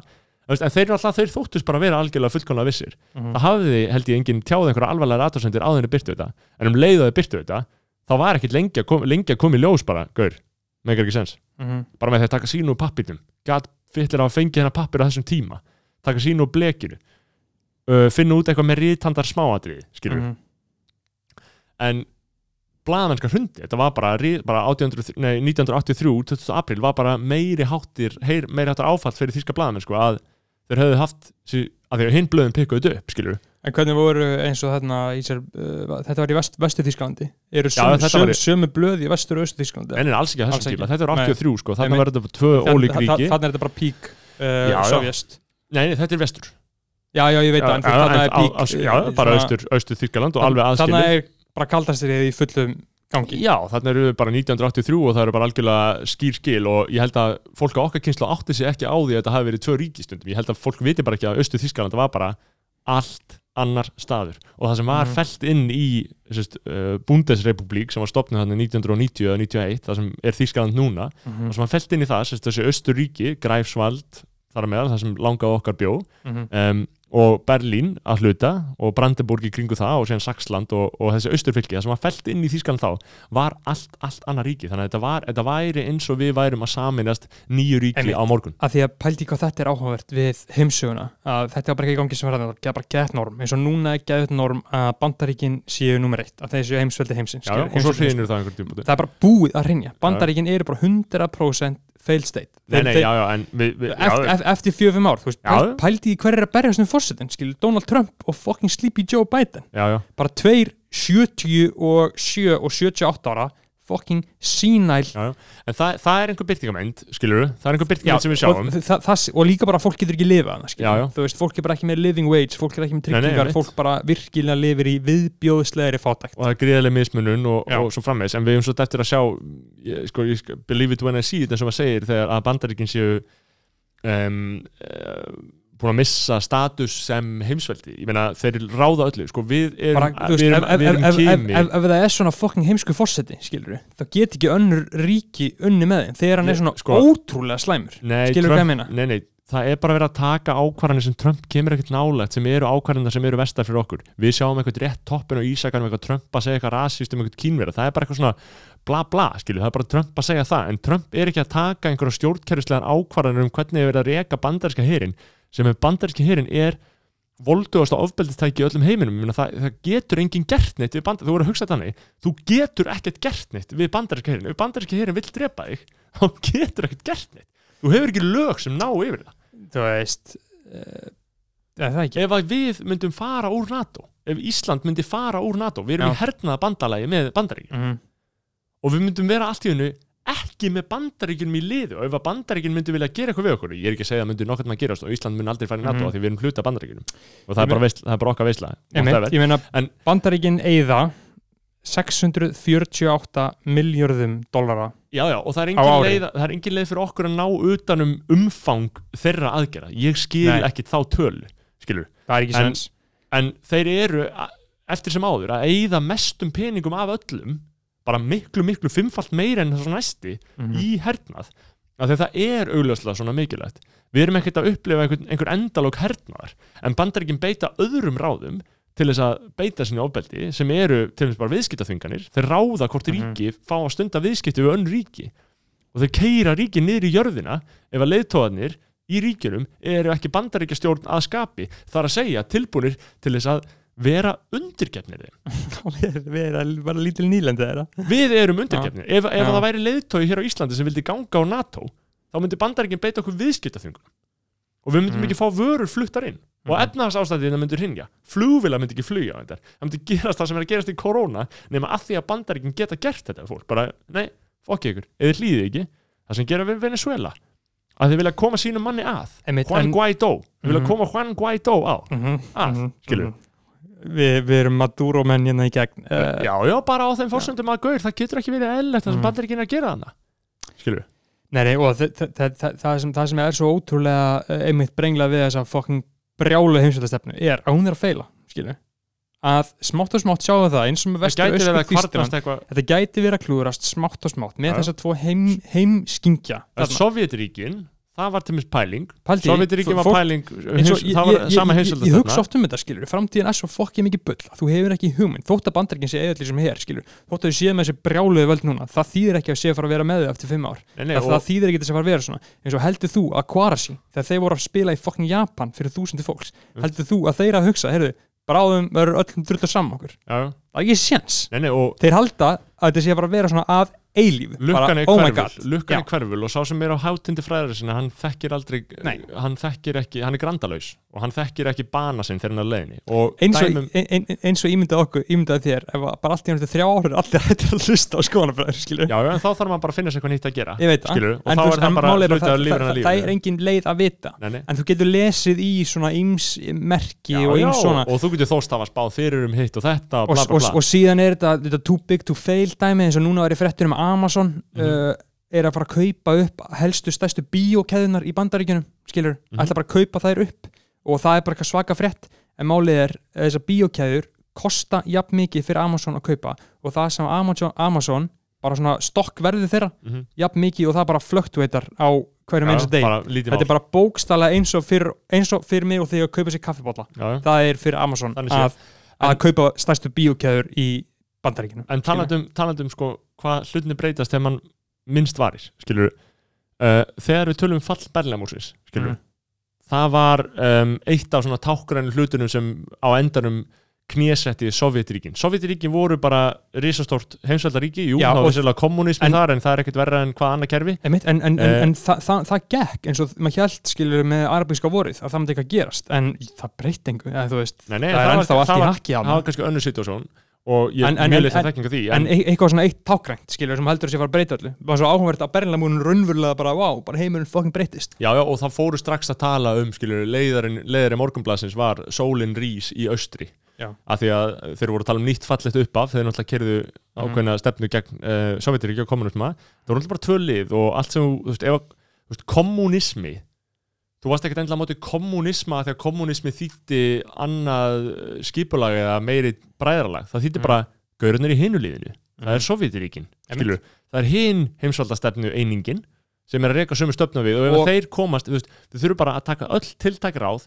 til þess að fá fólk til að snúast gegn þessu liði og hugsa um þetta líka eins og hefum talað um að fólk hugsa í áratugum skilur auðvitað. þetta áfram og áfram og áfram áfram, áfram borga í ára, Og- það mun borga sér og, Borga sig. og halda áfram svona einsum auka hlutum eins og Mm. Ronald Reagan gerði með þú veist, psychedelics og allt þetta hippadæmi bara brutal hippie punching í leiðinu skilur. Bara því að það eru líka Allt- allt, allt það er fólki sem er ekki með okkur í liði en talandi um sko hvernig tilvílanir gerast og hvernig enginn býst við þessu þegar þetta er að gerast Berlamúrin, þegar hann fundi þá var svona, sko við vorum með Östu Þískland og það voru ferðatakmarkanir. Þú máttur ekki fara yfir þú veist, ef þú áttu kærasta í Vestu Þískland þú máttur ekki fara yfir. Einmitt, það var að skjóta menn sem voru að reyna að fara yfir sko. Já, það var nú ekki mikið um það þannig að ég beri blaka þessari stefnu skilja það var það voru einhverju skotnir. Það voru einhverju skotnir, já, já, já, skotnir í bakið, bara eins og einhver hundar. Já, það var svona fyrst og fremst sest, það var miklu fyrr, það var svona 60-70 þeir voru nú, að- ég held að þeir hafi ekki verið mikið í því að skjóta, þó að sko Stasi ég ætla ekki að draga neitt úr því, þeir Nei. beittu einhverju viðbjörnslasta ofbeldi sem ég veit um.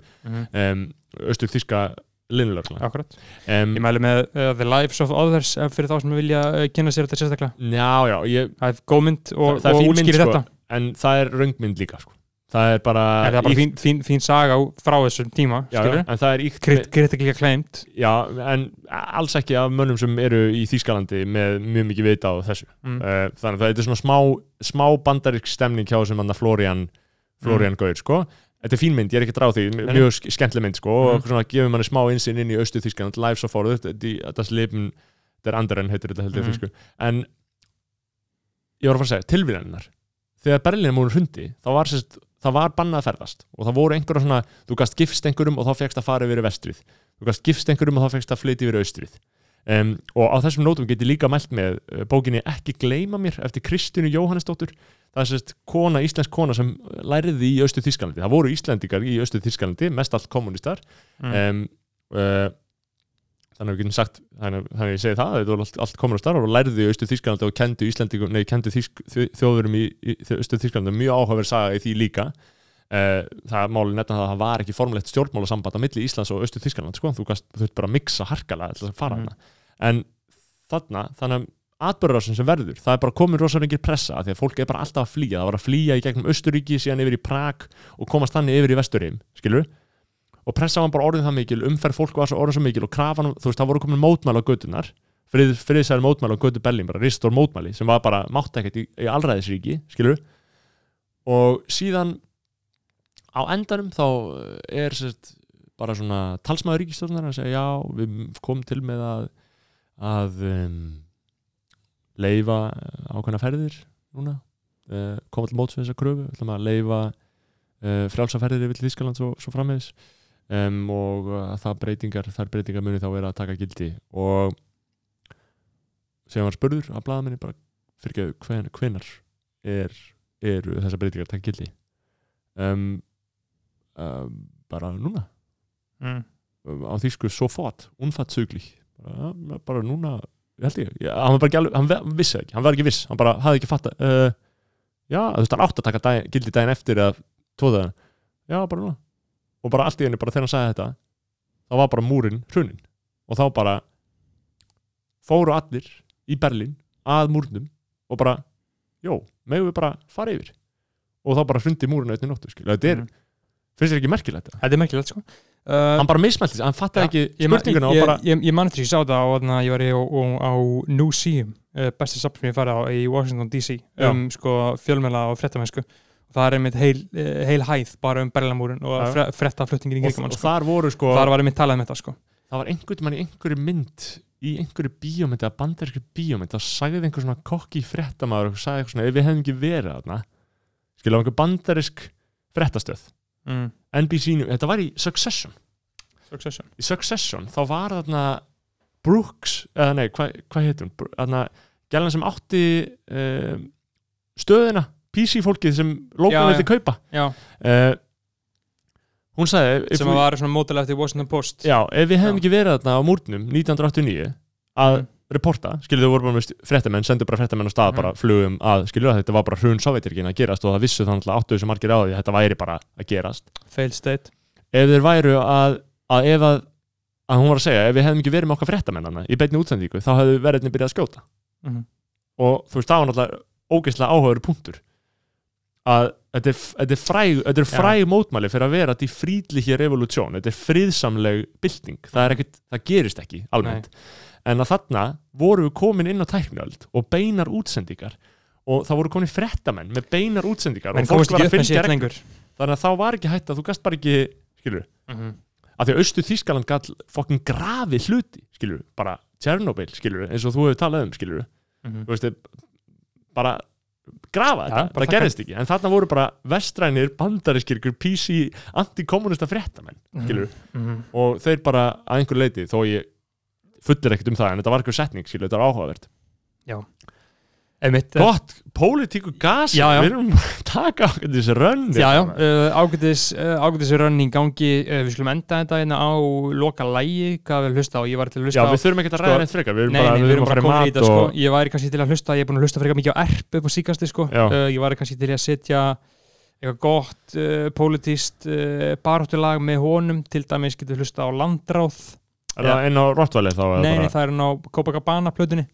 Já, en þú veist Ro- já, einmitt, já, bara hjá Já, honum bara já, em- sko, uh, lagi landráð sem er mjög gott sko, það sem var samið eftir kreppuna sko. Já, það var Og hann- alveg klassískt lag. bara epís lag og hann er bara basically að láta uh, auðmenn Íslands algjörlega heyra í lýrisku formi með góðan takt undir og það væri bara óskandi að uh, fá, uh, Fá meira, aftur, sko. meira svona listsköpun innan Já. einhverja skynsæðana marka ég meina þú þarft ekki að verða fokking einhver þú þarft ekki að vera erpur og sitja á einhvern arabaklút og vera upp í Hamraborg með einhverja, einhverja mótmálaskildi sko. Nei, sem bara- er bara episk fokking vesla hann sé að gera það en þú getur en líka bara, bara, ef, þú- ef þú segir ekki hvað þið finnst þá er það reysa stór afstæða skilur, þá ert þú að vera auðmikið þú veist, þetta eru bara litla línur eins og bara erpur, skilur, búin að fara mjög mikið í katalógina, skilur, þú veist, það er bara svona nett referensi, hann er alltaf að tala um Babylon skilur, hann er alltaf að tala um. Babylon að eins fara og að falla. Falla. Já, og, hvað- og, og, hvað ætlar að gera þegar Babylon fellur? Já. og síðan er bara litla línur eins og na,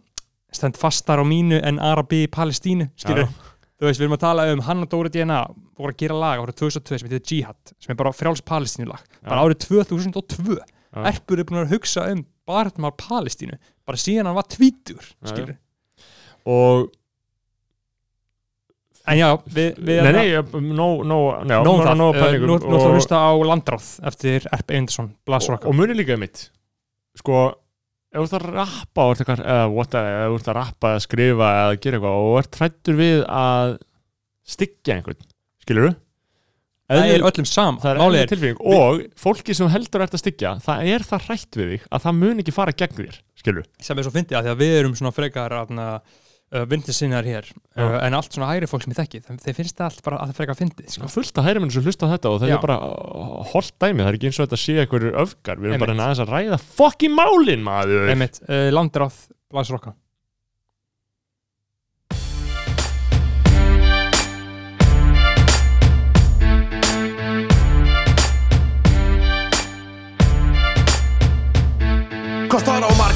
kalla vefja svo minn mallin skalla meðan lánin falla og alla valla að það skáni. En ég vil ekki taka ábyrgð þegar bjöggi skýtur á sig. Kross og djúb sem blámi er ekki þinn fáni. Þið vinum bara þjóðin þín meðan sólinn skín. Slaka frið á sólinni og fer í stríð þessu svín. Borgat fyrir bull með mínu spari fér Fyrst er enda skrítið að ég rópa Viva cheers, býti frá siggu fjers Gettu lóka manna skýt mér. Því allt sem hann er sér illa séð. Fucking ógeð Heikja þetta hiski þeirra lífskildi Minna virð en verbreyði glitni Þjóðinni blóðriðil. Geti fengið vitni Hell já, enginn vil drýpa Vil sjá að hengda fyrir landrá.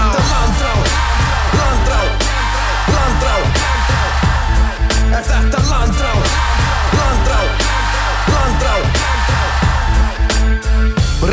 skilja, við erum ekki milla Svo ekki segja mér að chilla. Ég veit eina stjörnu sem skín eins og kyljan Ekki sé við séum á sama báti.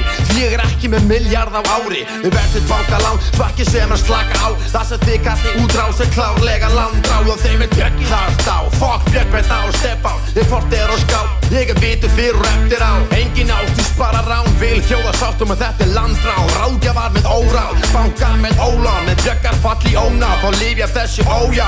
Óháð sjóvá. Hengja þetta híski þeirra lífskildi Minna virð en verbreyði glitni Þjóðinni blóðriðil Geti fengið vitni. Helja, enginn við drýpa Vil sjá að hengda fyrir landrá Landrá, landrá, landrá Er þetta landrá, landrá, landrá Að drepa smá þjóðir stórmál Getum verið á Gordon Brown og Rikki stjórna Feik veina þjóða minni virð en Íslands króna. Óða verið bólga, engan pening í háskólan Því hann er á tortóla. Mikli banka hólfa, Kartagenna kóla. Sápa kúlu gróða. Með þjóna ópi stjóra Svo við leitum söku dolga Og drepum draum óra Óla Gríms og Björn Hengja þetta híski þeirra lífskildi Minna virð en verbreyði glitni Þjóðinni blóðriðil. Geti fengið vitni Helja, enginn við drýpa Vil sjá að hengda fyrir landrá. Landrá, landrá, landrá. Er þetta landrá, landrá, landrá Jafnum hluti eins og Botox Knockout eins og Probox Splash Rock, Rocksford af Kobe Camp Knox Davíð bænmætt vopn eins og Gibson og Glover Það er over. Eins og millistjætt á Range Rover. Húsin hend orðin tóm Þetta frá sykju sjó Er meira joke en bjöggi þól Brennu bokka var að sjó Það með þjóðir kól Landráð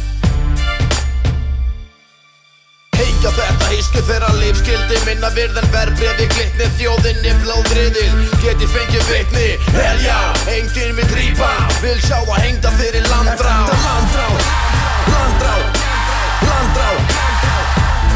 Er þetta landrá, landrá, landrá Hengja þetta híski þeirra lífskildi Minna virð en verbreyði glitni Þjóðinni blóðriðil Geti fengið vitni Helja, enginn við drýpa Vil sjá að hengda fyrir landrá. Er þetta landrá, landrá, landrá. Er þetta landrá, landrá, landrá Þetta er tilenga öllum þeir sem fengur gassi 22. janúar 2009 Þetta er tilenga öllum þeir sem neitt að lifa á fjórum fótum Blaswa, Lulimón, Brett.